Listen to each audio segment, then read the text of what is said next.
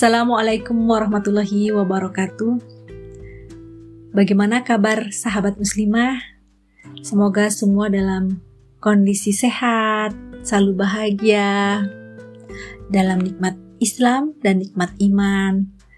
Kali ini kita akan bincang-bincang ya bersama saya Sita Suhemi tentang amalan apa sih yang paling dicintai oleh Allah Subhanahu wa taala. Pertanyaan ini pernah diutarakan oleh sahabat kepada Rasulullah sebagaimana hadis riwayat Imam Bukhari dan Muslim dari sahabat Abdullah bin Mas'ud radhiyallahu an. Beliau berkata, "Aku bertanya kepada Nabi Muhammad wasallam tentang amalan yang paling dicintai Allah taala." Kemudian beliau wasallam menjawab, "Salat pada waktunya, Kemudian apa lagi? Beliau menjawab, berbakti kepada kedua orang tua. Kemudian apa lagi? Beliau menjawab, jihad fi sabilillah. Baiklah, sahabat muslimah, kita coba lihat satu-satu ya. Yang pertama, sholat pada waktunya atau as-sholatu ala waktiha.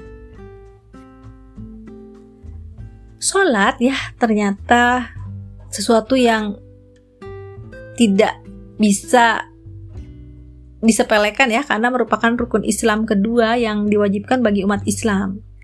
Dan ia menjadi tiang agama sebagaimana firman Allah di dalam surat An-Nisa ayat 100, sesungguhnya solat memiliki waktu yang telah ditetapkan bagi orang beriman. Kemudian Rasulullah SAW juga pernah ditanya sahabat muslimah ya, amalan apakah yang paling afdol afdal itu artinya yang paling baik lah ya.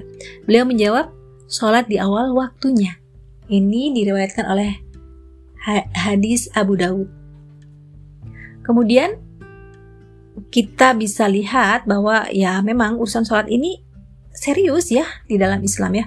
Sebab sholat ini jadi pembeda atau pemisah antara seorang muslim dengan non-muslim ya dan merupakan perkara yang sangat penting, sangat serius karena nanti ketika kita di akhirat yang pertama kali dihisap, yang pertama kali ditanyakan itu adalah tentang sholat.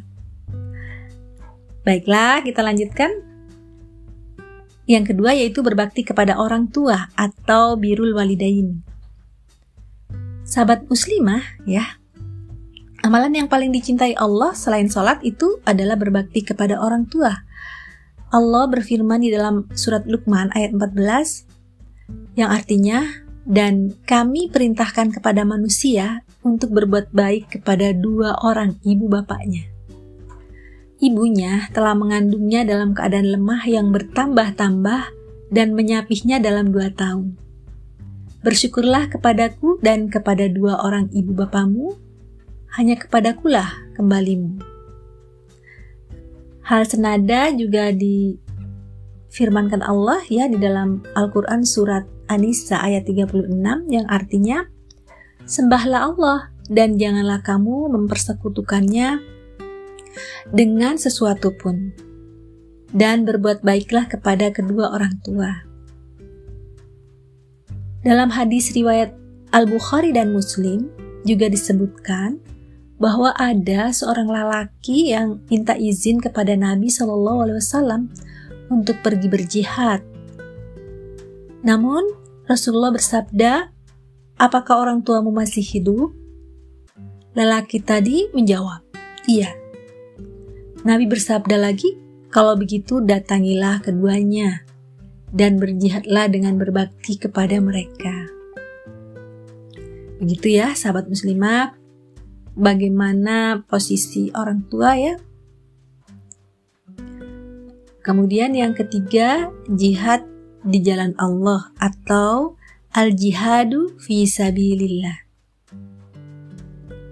Kedudukan jihad di sisi Allah juga sangat besar sahabat muslimah ya dan keutamaannya itu diganjar pahala yang besar. Allah telah berfirman dalam surat Al-Hajj ayat 78 yang artinya berjuanglah kalian di jalan Allah dengan perjuangan yang sebenar-benarnya. Allah juga menjanjikan surga bagi mereka yang berjihad. Rasulullah Shallallahu Alaihi Wasallam bersabda, wajib atas kalian berjihad di jalan Allah Ta'ala, karena sesungguhnya jihad di jalan Allah itu merupakan salah satu pintu dari pintu-pintu surga. Allah akan menghilangkan dengannya dan kesedihan dari kesedihan dan kesusahan ya. Begitulah sahabat muslimah ya. Ini dari sebuah hadis. Namun ada hadis yang lain ya tentang sebuah amal yang sangat Allah cintai. Pengen tahu nggak sahabat muslimah? Yuk kita baca sama-sama ya. Sesungguhnya Allah berfirman, Barang siapa menghinakan wali atau kekasihku, ia telah terang-terangan memusuhiku. Wahai anak Adam, engkau tidak akan mendapatkan apa saja yang ada padaku kecuali dengan melaksanakan perkara yang telah aku fardukan kepadamu. Hambaku yang terus-menerus mendekatkan dirinya kepadaku dengan melaksanakan ibadah sunnah, maka pasti aku akan mencintainya. Maka, jika aku telah mencintainya, aku akan menjadi hatinya yang ia berpikir dengannya. Aku akan menjadi lisannya yang ia berbicara dengannya. Dan aku akan menjadi matanya yang ia melihat dengannya. Jika ia berdoa kepadaku, maka pasti aku akan mengabulkannya. Jika ia meminta kepadaku, maka pasti aku akan memberinya.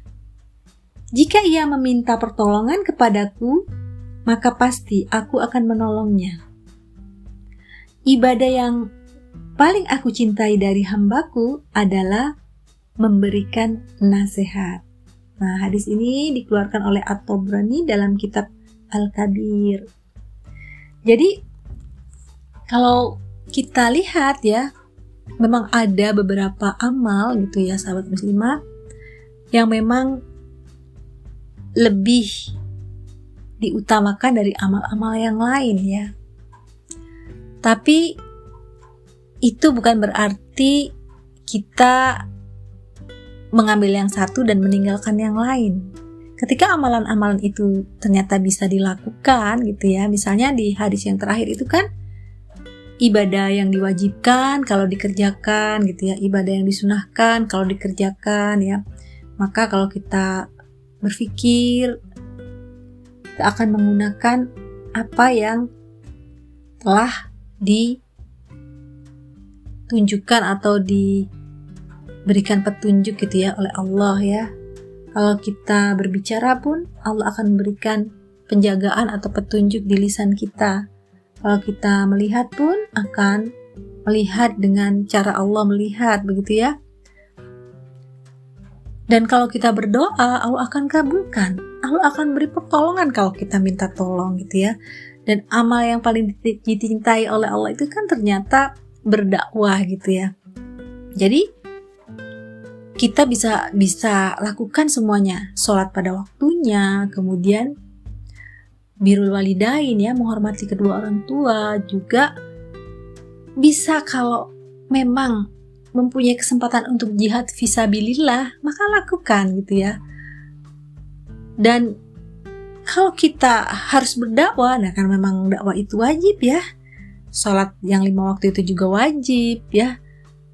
Hmm, berbuat baik kepada orang tua itu juga wajib. Jihad visabilillah itu juga wajib. Maka ketika kita bisa melakukan semuanya dalam waktu yang bersamaan, ya lakukanlah gitu ya. Karena semua itu adalah amal-amal yang memang diperintahkan Allah dan amal-amal yang memang Allah cintai gitu ya. Sehingga kita termasuk orang-orang yang bertakwa, orang-orang yang beramal soli, yang mempersembahkan amal terbaik ya seperti pembahasan kita kemarin ya. Semoga dengan pembahasan ini ya, walaupun masih banyak hadis-hadis yang lain yang juga menyebutkan beberapa amalan yang disukai oleh Allah ya, maka yang kita inginkan saya dan anda ya, aku dan kamu sahabat muslimah bisa sama-sama terus istiqomah melaksanakan apa yang Allah cintai ya, amalan-amalan dan ibadah apa yang Allah sukai ya. Begitu saja bincang-bincang kita, sahabat muslimah. Semoga kita bertemu kembali esok hari. Wassalamualaikum warahmatullahi wabarakatuh.